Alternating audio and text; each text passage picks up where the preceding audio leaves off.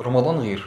هنتكلم النهارده زي ما إحنا متفقين إن إحنا نحاول آه، على قد ما نقدر إن رمضان فعلا السنة دي نطلع منه بما إن رمضان مختلف عن أي رمضان عدى علينا قبل كده إن إحنا نطلع على قد ما نقدر بأكبر أجر ممكن يعدي عليك خلال رمضان ما تضيعش أي عبادة أو أي عمل صالح أنت كنت بتعمله قبل كده. وتحاول السنة دي يبقى فيه تحاول إن أنت تعمله بطريقة مختلفة وما تضيعش من نفسك الأجر.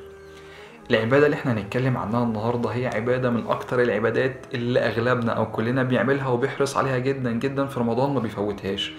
هنتكلم عن صلة الأرحام. صلة الأرحام دي من العبادات فعلا فعلا فعلا اللي أغلبنا وكلنا وأقدر أقول كلنا وأنا مطمن فعلا بيعملها في رمضان مع اختلاف النوايا. في اللي يبقى فعلا مستحضر و... ونيته إن هو بيزور أهله وإن هو فعلا بيصل رحم وفي مننا اللي بيعملها من باب التعود أو الجدعنة أو فعلا صله الرحم أو هو متعود إن هو بيعمل ده فبيعملها كعادة مش عبادة.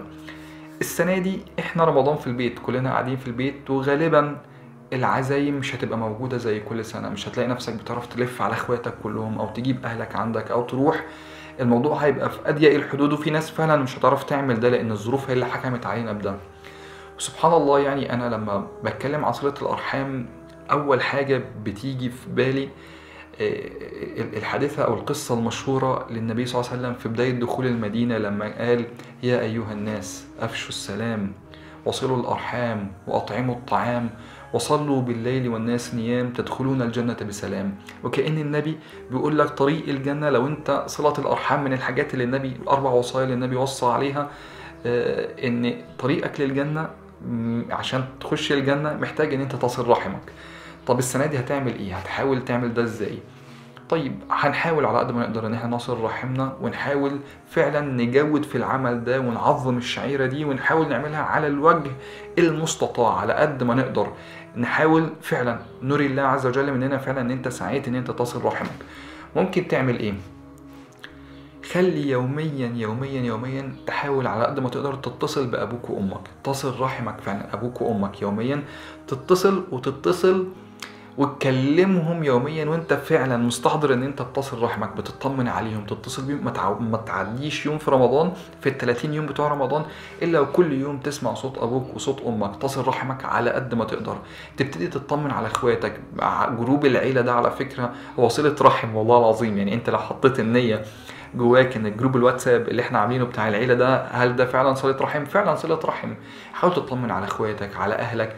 قرايبك اللي بقالك فترة طويلة ما سمعتش صوتهم أو بعاد عنك في بلد تانية فأنت ما شفتهمش السوشيال ميديا دلوقتي قربت الناس جدا من بعضها. فعلا هي المفروض إن إحنا نستغلها ويبقى فعلا في ما بيننا وما بين بعض التواصل. تواصل فعلا إن أنت تتواصل مع أهلك وتحاول على قد ما تقدر تصل رحمك يوميا. في أفكار كتيرة الواحد ممكن يعملها عشان يصل رحمه ممكن تجود شوية وتبعت لأبوك وأمك أو حد من قرايبك أو حد من اللي أنت عايز تصل رحمه تبعت له هدية.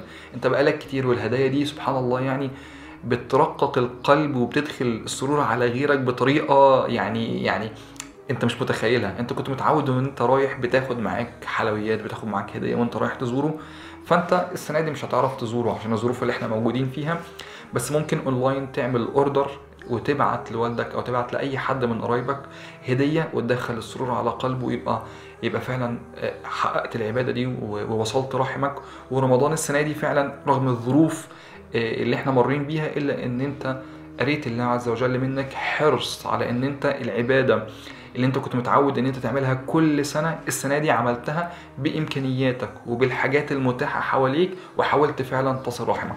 دي كانت أفكار سريعة. لو حد عنده فكرة تانية إن إحنا ممكن إزاي نصل رحمنا أو حاجة ممكن نعملها نشارك مع بعض آه، ونقول لبعض حضرتك قول لنا تجربتك في الموضوع ده وحضرتك تفيدينا وتقول لنا آه، ممكن نعمل إيه. آه، جزاكم الله خير. ده كان سريعا كلامنا عن صلة الرحم وإزاي بنحاول على قد ما نقدر إن رمضان السنة دي هو فعلا رمضان غير وغير في كل حاجة. وغير من جواك إن أنت حتى لو أنت كنت مقصر مع حد من قرايبك تليفون أو برسالة أو بأي حاجة ممكن تصل رحمك بيها تبقى أنت عملت اللي عليك ووصلت رحمك وما ضيعتش الأجر. وجزاكم الله خير. والسلام عليكم ورحمة الله وبركاته.